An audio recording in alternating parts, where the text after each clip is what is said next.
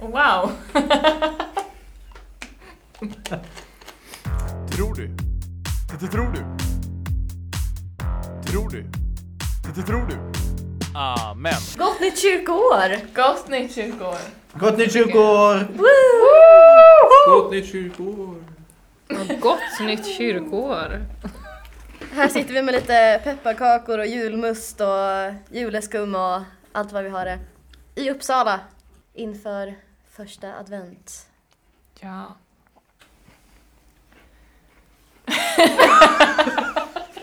Ska nå, ska, min fråga är, ska någon säga det vi brukar säga när vi har ett avsnitt eller är vi bara igång liksom? Vet vi vilka vi är?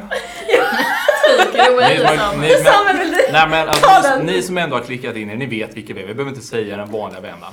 Gott nytt kyrkoår i alla fall. Idag ska vi snacka lite om julen hörni. Nu när det äntligen är nytt kyrkoår, då har vi äntligen kommit in på en ny årgång. Första årgången är vi inte på längre, för det är den vi har lämnat bakom oss. Utan vi har kommit in på den andra årgången och då är ju den alternativa jultexten, julevangeliet, förslaget från en annat ställe än Lukas som man alltid hör på. Penny, vill inte du läsa det för oss? Absolut, såklart jag vill det. Och eh, den här texten är ju då hämtad ifrån Johannes evangeliet kapitel 1, vers 1 till 14. Rubriken är Ordet blev människa. Så här står det. I begynnelsen fanns ordet och ordet fanns hos Gud och ordet var Gud. Det fanns i begynnelsen hos Gud. Allt blev till genom det och utan det blev ingenting till av allt som finns till. I ordet var liv och livet var människornas ljus. Och ljuset lyser i mörkret och mörkret har inte övervunnit det. Det kom en man som var sänd av Gud. Hans namn var Johannes. Han kom som ett vittne för att vittna om ljuset så att alla skulle komma till tro genom honom. Själv var han inte ljuset, men han skulle vittna om ljuset. Det sanna ljuset som ger alla människor ljus skulle komma in i världen. Han var i världen och världen hade blivit till genom honom, men världen kände honom inte. Han kom till det som var hans och hans egna tog inte emot honom. Men åt dem som tog emot honom gav han rätten att bli Guds barn, åt alla som tror på hans namn. Som har blivit födda, inte av blod, inte av kroppens vilja, inte av någon mans vilja, utan av Gud. Och ordet blev människa och bodde bland oss. Och vi såg hans härlighet, en härlighet som den enda sonen får av sin fader och han var fylld av nåd och sanning. Man måste hänga med så mycket i just den här Johannesprologen. Alltså Speciellt- zonar man ut en sekund så är det så. Vänta nu var det för mycket ord. Ja, speciellt eh, de första meningarna. Mm. Så här, koppling, koppling, Ja. koppling. Ordet var Gud, Gud, ordet, va? Man får verkligen bena i, i början av den här texten. Julen. När Jesus kommer till oss på jorden. Mm. Och det är lite intressant att Johannes använder ordet som Jesus. Ordet fanns hos Gud, ordet var Gud. Ehm, också med tanke på att Jesus är Gud. Och vad, vad är liksom ordet egentligen? är min första fråga. Är det liksom någon slags action eller är det bara någon slags ord som finns där? Jag tänker alltid på i början av skapelseberättelsen i Moseboken. När den här meningen, Gud sa ljus blir till och ljus blev till. Ja. Eller ja, var det ljus. Den meningen tänker jag på ordet. Ja, det är ju en bra koppling. För det står ju senare i versen här, och ljuset lyser i mörkret och mörkret har inte övervunnit det. I ordet var liv och livet var människornas ljus. Och ljuset lyser i mörkret och mörkret har inte övervunnit det. Så där har vi ändå en slags koppling på något sätt. Den här texten brukar ju räkna till, räknas till en av skapelseberättelserna också. Den har många innebörder, den här texten. Jag tänker att det är spännande med den texten för den pratar om Johannes döparen också. Nu befinner vi oss liksom, vi är ju inte riktigt jul än, även om vi har jultema på avsnittet. Eh, Det är väl vår sekularisering som har drabbat oss säkert. Men eh, vi befinner oss i adventstid och en stor del av texten är ju just Johannes som bereder väg. Det kommer en man som ska vittna om ordet och vittna om ljuset men som inte var ljuset själv utan som är där för att vittna. Som är och bereder väg. Och det är ju Johannes döparen som gör det och det är ju precis i den tiden vi är i just nu. På något sätt så är vi ju liksom i tiden av att det är någon som är här och vittnar. Vi håller på och väntar och väntar inför att ordet ska bli kött och ta sin boning bland oss. Så någonstans där är vi ju fulla av förväntningar inför det som komma skall. Någon slags aning om det som är på väg. Brukar ni bereda väg för Jesus så här i adventstider? Alltså finns det någon speciell så, tradition kring det som ni ofta brukar ägna er åt? Nu när vi håller på att förbereda oss för liksom, Jesus. Inte vad jag kan tänka på sådär konkret. Det är ju i kyrkan och sådär och går söndagsgudstjänster och sånt där. Adventstiden är ju verkligen just den här tiden av förväntan. Ja, nej, jag har väl ingenting speciellt konkret som jag eh, ägnar mig åt. Mm. Förutom typ vanliga gudstjänstlivet. Jag kanske också kan tänka mig, alltså, just att Jesus kommer till oss som en gåva. Att den liksom ställer sig in i någon slags läge, någon slags stämning av, ehm, nu vet jag inte vad det heter på svenska, men receptivity. Ehm, alltså att kunna ta emot. Mm. Så någonting med det skulle vara bra att liksom hitta nu i år, tänker jag. Alltså att man gör sig lite mer mottaglig typ. Ja, precis, Ja, mm. tänker jag. Någonting sånt. Vet inte riktigt exakt hur, Mm. men eh, någonting sånt. Det kommer nog bli mitt lilla adventstema, tänker jag. Någon liten fastegrej, typ. Precis, advent är ju liksom en, en fasteperiod också, även om den är rik på lussekatter och annat smaskigt eh, som man kanske inte alls avstår ifrån utan tillägnar sig. Eh, jag själv har alltid haft ganska svårt med adventsfasta för jag är, tycker det är jättetrevligt med advent och allt vad det innehåller och har en tendens att jag inte alls avstår från någonting. Men i år så har jag försökt att göra någon slags liksom fast initiativ under fastan under adventstiden liksom. Äntligen, efter många års väntan, ända sedan 60-talet, så har änt- nu äntligen den svenska översättningen av Tidegärden kommit på riktigt. Det är liksom den, den latinska varianten från Vatikanen liksom äntligen översatts i, liksom i fyra band, så den är liksom en tjock samling med böcker om man ska be den här. Men där finns läsningsgudstjänsten som är en liksom ofta bes på morgonen eh, och som innehåller att man liksom läser längre bibeltexter än bara korta, korta stycken. Så jag har liksom försökt göra som min adventsfasta att jag ska be läsningsgudstjänsten varje dag för att få in någon slags liksom bibelläsningsrutin som förberedelse.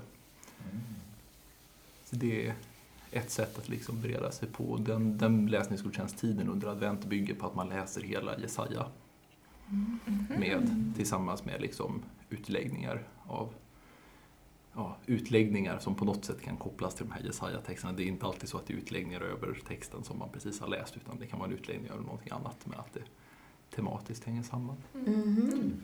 Min eh, favoritvers är ju Jesaja 41.10. Den är riktigt bra. Var inte rädd, jag är med dig. Ängslas inte, jag är din Gud. Jag ger dig styrka och hjälper dig, stöder och räddar dig med min hand. Alltså, hur mycket trygghet i den versen. Verkligen. Och att, eller jag menar, det finns också en så stor trygghet i själva julen kanske. Liksom att, eh, att få eh, samlas och få, få eh, tända ljus och, och eh, men så här, eh, det känns som att eh, även om, om eh, Sverige kanske inte är så samhälleligt kristet på något sätt så, så är ändå julen där man känner på något sätt att, eh, att vi samlas tillsammans och, och vi myser och har det trevligt liksom och väntar på något gott. Eh, och det tycker jag är jättehärligt. Den här stämningen bara som finns i luften på något sätt. Precis, för visst var... Alltså innan Sverige blev kristet så var väl juletiden någon slags så här ljus... eh, Alltså solen... Någonting sånt. En firade liksom att ljuset är snart på väg. Det är väldigt liksom hoppfullt på det sättet. Eh, och sen blev Sverige kristet. Och då bara bytte man ut en högtid mot en annan. Hej då! Nej men verkligen. Eh, så jag tänkte på det du sa Oskar, alltså kring att så få vänta på någonting. Att det är, jag minns den känslan så tydligt från när jag var barn, att det var liksom, det var en så trygg väntan på något sätt och det spelade kanske inte jättestor roll. Det är klart man var väldigt taggad på att få julklappar också. Men det var mer så bara väntan på att så här, alla kommer vara tillsammans, man kommer vara ledig, jag behöver inte gå till skolan. Man får bara så sitta och käka mat ihop och prata med varandra. Typ. Det var bara liksom bara väntan på den här gemenskapen som var det stora. Och att jag kanske, ju äldre jag blivit, kommit lite ifrån det. Och lite så fångats i liksom någon hets av att så det ska vara så bra som möjligt, det ska vara så liksom eftertänkta och alltså välproducerade julklappar som möjligt och det ska vara så bra julmat som möjligt och så här. Man ska vara så lycklig som möjligt och i hela den så jakten på den här lyckan hamnar man bara i en konsumtionshets typ för att man tänker att man kan köpa sig till en lycka liksom. Medan julen när jag var barn var liksom bara en lycklig tid i att vi bara sågs hela släkten liksom. Och alla var som ändå så ganska lugna och avslappnade i det typ. Kan så sakna den, eh, alltså det barnsliga bara, den barnsliga lyckan i att bara vara med folk man tycker om. Typ. Ja, sitta med alla kusiner och sysslingar Ja. och bara kolla på Kalle Anka Mm, liksom. Mm. Det var en så Det- stor dag och det spelade egentligen ingen roll, alltså vilka fysiska saker som var runt omkring en utan det var stort just för att man bara hade varann typ. Mm. Precis. Vi firade ju jul vart fjärde år med just liksom hela, nästan hela pappas sida av släkten. Så vi var liksom både sysslingar, kusiner, pappas kusiner, allt vad det kunde vara. Eh, och då just att få träffa sysslingar som man inte har gjort liksom på fyra år typ. Det var ju himla härligt. Jag kan tycka att julen kan vara ganska jobbig. Att det är en jobbig tid. Vi är ingen jättestor familj, eh, så. Och vilket gör att när någon har gått bort så märks det ganska tydligt. Mm. Och lika det där, ja, men som du pratade om Johanna, den här hetsen att man ska köpa julklappar, det ska vara hit, det ska vara dit och det blir jobbigt. Eller så här, Att jag kan nästan tycka att julen, alltså själva budskapet är ju jättefint. Alltså här, Jesus har fötts, kommit till jorden, men det är liksom allt runt omkring som vi själva har skapat som är jobbig. Vi har aldrig firat riktigt, eller så här, klart vi firade jul när vi var små så, jag och min lillebror och min familj. Men det är liksom ingen stor grej. Jag äter liksom inte julmat på julafton och det är, det är liksom ingen stor grej och då tycker jag liksom så här, det är jobbigt. Eh, och alla pratar om det är så mysigt, det är så hit, det är så dit. Ja, det är mysigt men för mig är det liksom bara jobbigt. Och Nicole, jag håller så med dig. Jag är... Jag känner att jag är lite samma båt där. Jag har inte heller så stor familj. Eh, och det har också märkts väldigt tydligt då när någon har gått bort. Eh, och så inser man att det kommer inte bli såna jular som när man var liten. Den här drömjulen och den här magi, ma, magiska känslan är inte samma grej. Så de senaste åren så har jag aktivt valt att gå tillbaka till mer basic. Alltså, okej, varför firar vi jul egentligen? Eh, jo, det är ju för Jesu födelse. Ja, men vad behövs då? Behövs julmaten? Behövs allt julpynt? Alltså, vad mycket man kan vara utan och ändå fira julen. Den här grunden till julen. Sänka förväntningarna rejält. Försöker jag göra inför varje jul. Ja, precis. Man får liksom möta situationen där den är på något sätt. Och göra det bästa av det kanske. Mm. Har det blivit någon skillnad Penny i hur du ser på julen? Alltså efter att du aktivt började jobba med att så jag går bara tillbaks till basics. Jag sänker förväntningarna om den här maxade perfekta julen. Ehm, ja, fallet blir ju inte lika stort när man på julafton sitter där och det blir inte som man har planerat eh, av olika anledningar. Alltså det blir ändå lättare att, att finna sin inre frid på något sätt. Julefrid, sin inre julefrid tycker jag. Och se det utifrån ett större perspektiv. En jul, jag blev sjuk, eh, eller ja, fick typ influensa eh, lagom till julafton. Och min eh, morfar var sjuk då och låg på sjukhuset så min familj eh, var där hos honom då för jag kunde ju inte vara där då. Eh, men på något sätt så accepterade jag bara det där och jag kollade igenom hela SVT 1-tablån på julafton och jag hade det faktiskt ganska mysigt där på mitt flickrum. Och jag hade väl gjort någon uppdatering på Facebook eller något. Så att på dagen så kom en kompis med lussebulle och julmust. Och sen på kvällen så åkte en annan kompis till mig med skinkmacka och knäck och julmust och sådär. Och då blev det så tydligt på något sätt vad julen handlar om. Och vad lite som behövs för, för julen. Så himla fint ändå. Mm. Att få besök av sådana som man har nära och kär. Och så verkligen så lite som en skinkmacka kan göra någonting jättestort. Ja. Jag tänkte lite på det här du sa Johanna om det här med eh, konsumtionshets och sånt lite. Jag själv älskar så här teknik och utveckling och allting liksom. Och, och till exempel när jag kommer till kläder så älskar jag att jag kan hitta det jag söker efter och det jag vill ha. Liksom. Men, men jag kan verkligen också se hur jag kan längta tillbaka lite till speciellt kring jul när man, eh, när jag var liten och gick runt i lilla Ängelholm och det var liksom här är mitt utbud, här kan jag köpa presenter. Om jag inte hittar, jag får väl hitta det bästa, bästa julklappen jag kan hitta. När jag går runt på eh, Åhléns eller på, vad fanns det mer för andra affärer liksom. Nej men att, att eh, och känna att oj jag är nöjd med den här lilla presenten jag hittar. Jag är nöjd med den här badbomben på den här systrarna Olsson tror jag den hette eller någonting. Nej men liksom, och så fint också att bara känna Åh, kolla vad jag hittade. Liksom. Istället för att leta runt i dagar efter så här någon sida på internet och bara, Åh, kan jag bes- beställa det här och hoppas det anländer innan jul och, och jag måste paketera det, jag måste bla bla bla. Liksom. Nej, jag kan, jag kan sakna verkligen det, att bara gå runt i en liten... För jag kommer ihåg ett, ett speciellt minne med eh, en av våra grannar, eh, typ mammas kompis då. Så hon och jag, vi gick runt och handlade julklappar tillsammans. Eh, Och sen så åt vi pizza på en pizzeria. Det tyckte jag var jättetrevligt. Eh, och så var det så här, med fin julbelysning och lite snö på marken. Jättemysigt. Mycket mysigare än att sitta framför datorn och söka sig fram någonting som kanske ändå inte blir så kul egentligen som present. Jag vet inte. Ja, precis. Det kanske det liksom vad en lägger i presenten som är det viktiga.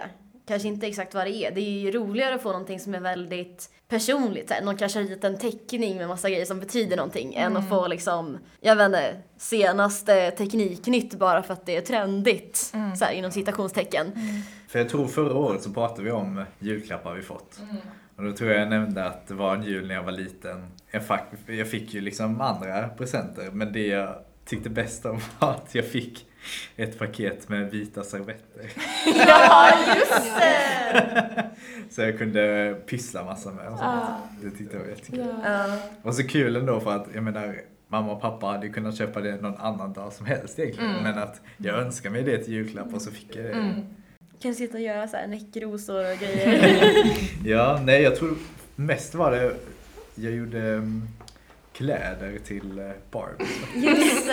Designa Ja. kläder och så var det viktigt att de var vita för då kunde man måla på olika... Ja. För vi måste tänka på så här äh, Karl-Bertil Jonssons julafton. När han delar ut så här random grejer som kanske inte är jätteanvändbara egentligen, men de blir så glada för det.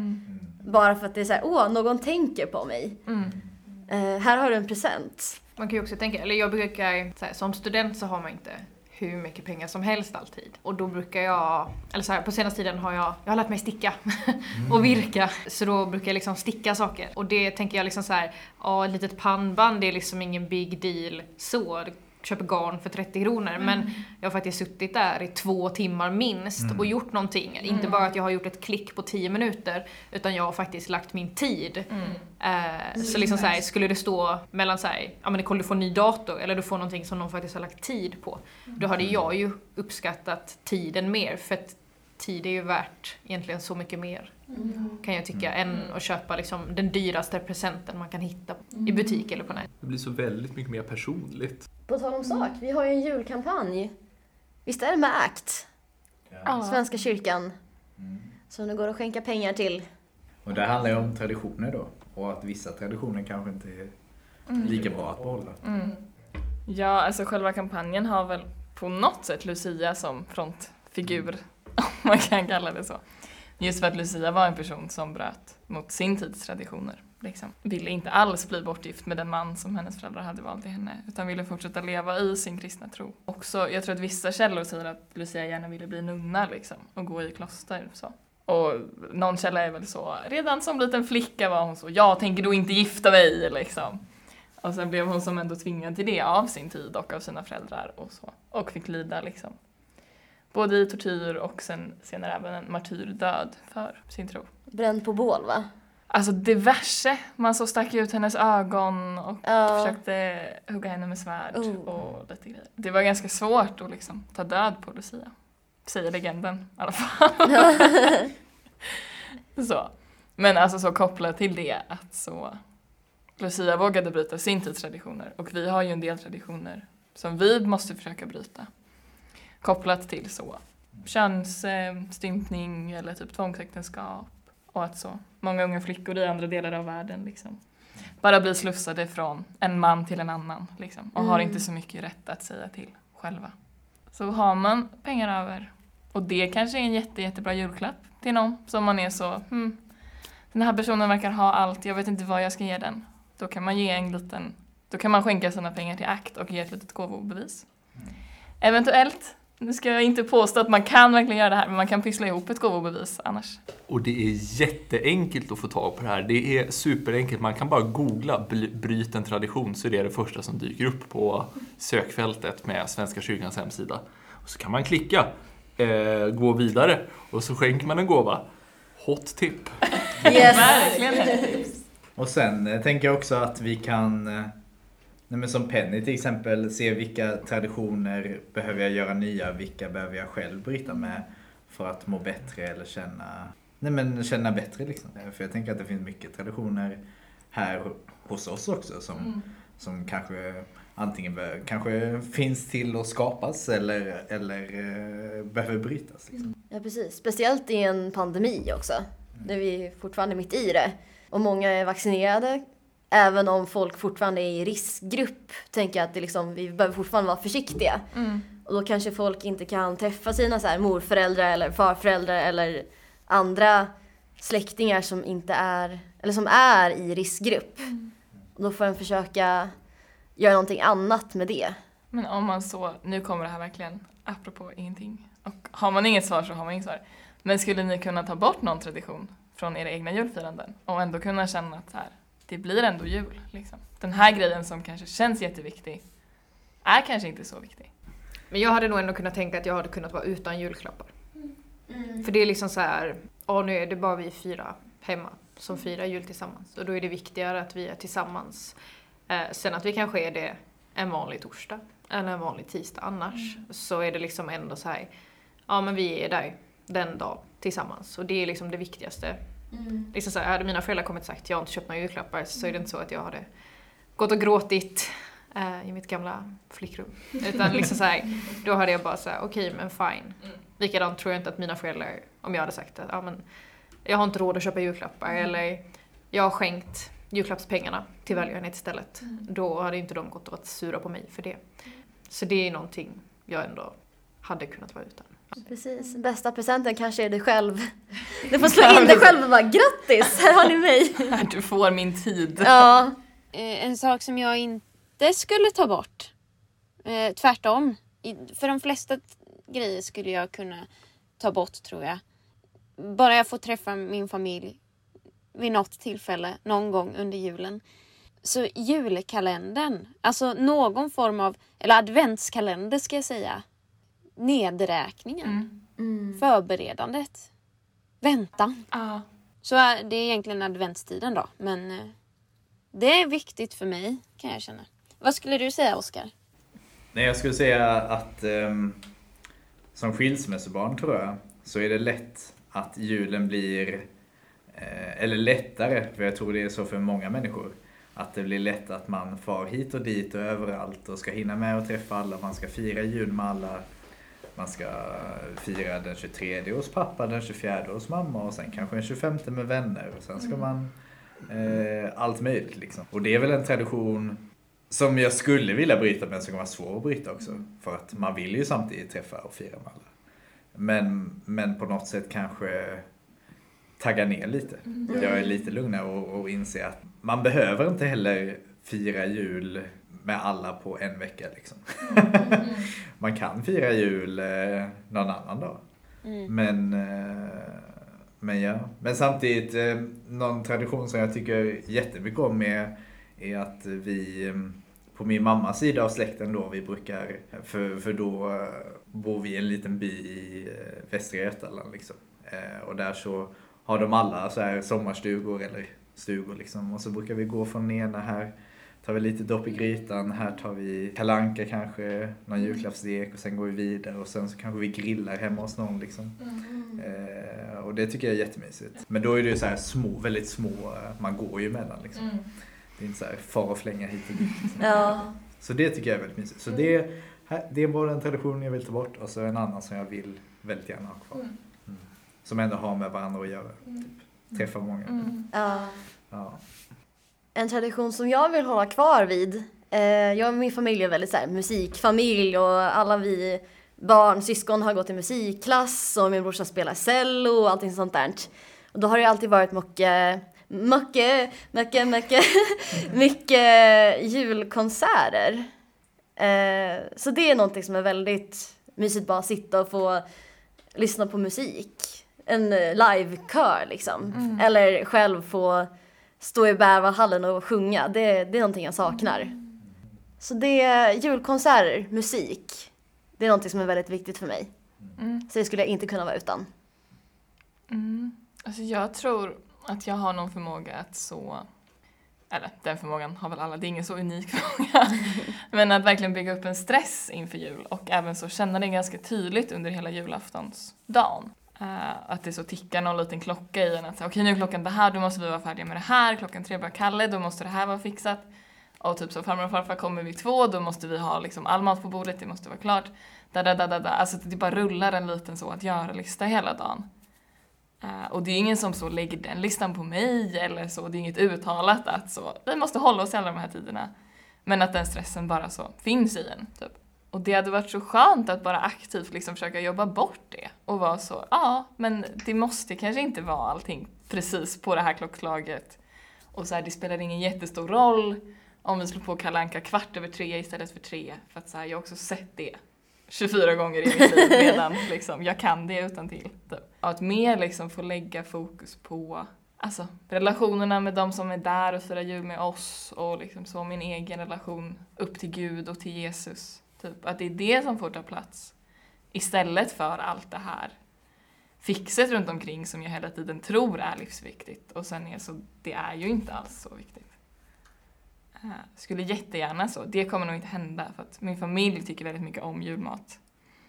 Men jag tycker att det är ganska så, jaha. Alltså det är lite så, nej, det är inte så himla himla gott alls. Uh, och speciellt, alltså jag äter ju inte kött heller och då blir det mycket så, ha ska jag stå och göra så min egen gravade morot och min egen liksom glaserade kålrot typ. Mm. För att ändå få samma grejer fast ett vegetarianalternativ. Eller kan jag bara få strunta i det liksom? Och så bara äta typ linsgryta för att jag tycker på något sätt att det är godare. Liksom. Men det är väldigt gott med gravad morot ändå. Jag har inte riktigt fastnat för det. Har du ätit det? Ja, absolut. Eh, det, är, det är ingen liksom, tradition som jag har haft hemma med det. Eller, det är ju jag och mamma och hon är ju vegetarian sedan länge. Så vi har liksom inga ersättningar riktigt heller utan på det sättet för att liksom julskinkan har liksom inte varit naturlig eh, från första början och inte någon gravad lax heller för den delen. Men i kollektivet jag bor i däremot så är det ju massa människor som har ätit kött i sitt liv och sedan gått och blivit typ veganer. Eh, och så har vi liksom haft eh, gemensamma julbord så då har det gjorts gravad morot och jag tyckte det var, ja, det var, det var, en, det var en bra grej ändå. Så det var det. Vi har gjort någon sån här uh, aubergine-gratäng med mozzarella och tomatsås. Mm, Det är så Mm. gott. det är underbart. Ja, jag ska Ja. be mamma om receptet. Så om det är någon av er lyssnare som vill ha recept så uh, slide into our DMs. Men Johanna, vad tror du det blir för mat i år då? Ja, alltså det lär väl bli så. Köttbullar, prinskorv, Janssons frestelse, jada jada. Men jag kanske bara ska göra en rätt som jag tycker är god och så får jag äta bara det. Mm. För det kan jag också känna, alltså vi är, i år firar vi med farmor och farfar, då är vi sex personer. Och andra år firar vi ibland med mormor och morfar och då är vi kanske, och mina kusiner, då blir vi kanske nio. Alltså så. Men det blir alltid så mycket mat som inte äts upp. Och så ja, då äter man rester i tio dagar. Men så här, det tar ju ändå aldrig slut och så måste det slängas och så är man så, det är så onödigt att vi bara lagar mat på mat på mat på mat på mat och så blir man bara så kräkfärdig på det till slut. Så att jag kanske bara ska käka linsgryta med så sötpotatis, kikärtor, jordnötssmör, Oh. aubergine, ris och linser. Det hade varit väldigt gott. Mm. Man kan ju festa till det liksom. med sin lilla linsgryta. Nej, men jag menar göra en lite festlig linsgryta. liksom. Absolut. Med en liten klick eh, crème fraîche på toppen. så en kvist eh, basilika. Ja. Fancy upplägg. Sådana silverkulor man åt när man var liten. Så här gjorde jätteont i tänderna. Nej usch. Då kanske smälter det så linsgrytan är varm. Socker i? Nej, Kanske inte. inte riktigt. Nej men linsgryta tror jag nog också det blir på julafton. Det är gott. Ingen så här hacka persilja typ och ha på. Ja, det, det väl lite fint. Passar väldigt bra ihop med också. bay. Ja. Har vi något mer att säga eller vill vi wrap this up? Jag har en sak att säga. Särskilt till dig som lyssnar på detta som tycker att julen är eh, jobbig eller stressig eller att du av någon anledning inte ser fram emot julen så säger jag sänk förväntningarna, do your thing och försök att inte tänka på alla andras idylliska jular för att du, du är inte ensam om att, att känna så inför julen. Det finns många människor där ute som känner så också som du. Och då kanske en kan samlas kring det, tänker jag. Ja, och försöka så, om man kan, alltså så lägga ett fokus på att det är, det handlar om Jesus och Jesus kommer liksom till oss alla. För att bara så kunna omfamna oss, typ. Och då spelar det ingen roll så här, om du får några paket eller så. Julen är liksom inte den konsumtionshetsen, den så amerikaniserade drömmen, typ. Utan julen är ju Jesus. Och det är kanske det vi alla måste landa i ibland. Jag behöver nog landa i det. Om och om igen. Typ. Precis. Och också liksom att, med att springa runt och leta efter något ställe att bo på och sen föda liksom. Det låter ju inte som en... Det är ju jättefint att föda, eller få, få ett barn liksom. Men det är inte som att, jag tror inte det var jättetrevligt heller. Nej. Nej precis, och så springer Maria runt med typ verkar och bara "Ah, Jag vet inte var ska jag lägga mig någonstans, hjälp! Eh, jag känner att barnet kommer. Typ. Nej, den, alltså Jesus födelse, den första julen, var ju en väldigt, väldigt enkel. Tänk liksom att föda barn när hästen står bredvid typ och tittar på. Ja. Eller åsnan. Amen. Vi har hälsat något nytt kyrkoår. Vi har eh, läst Johannes evangeliet och snackat lite ordet. Vad har vi gjort mer? Vi har pratat om hur vi firar jul ibland, hur vi känner inför julen. Alltså både det, de bra känslorna och de jobbiga känslorna inför det. Hitt- Hitta varandra i det, typ. Konsumtionshets. Mm. Eh, vad handlar julen om egentligen? Mm. Traditioner som kanske behöver brytas och traditioner som man gärna vill ha kvar. Och traditioner som kanske behöver skapas. Mm. Fastekampanjen. Ja. Och gravad morot. Den är viktig. Ska vi be? Är någon av er som vill leda oss? Vill du be Penny? Ja, det kan jag göra. Take it away. Gud, vi ber. Gud, tack för julen och julens budskap. Tack för advent och förväntningar. Tack för allt det goda som, som det här skapar. Men vi ber också för dem som inte längtar och som tycker att det känns jobbigt. Var med dem och gå bredvid och påminn oss att, om varför vi firar jul. Och hjälp oss att komma tillbaks till grunden till det. Var med oss. Och vi ber tillsammans. Gud Som haver barnen kär, se till mig som liten är. Vart jag mig i världen vänder, står min lycka i Guds händer. Lyckan kommer, lyckan går, du förbliver Fader vår. Amen. Tack! God jul! God jul! Gott nytt år! Gott nytt år! Och så hörs vi igen i januari. Yeah! Ta hand om er. Ha en jätte, jättefin jul. Så som den blir. Amen. Men det kan vara den som ramlar i marken. Du, jag hade nog passat mig. Öppna den. Vänta. Ta det försiktigt. Ja. För det var den som dök när Johannas Antag dök. Två. Skål.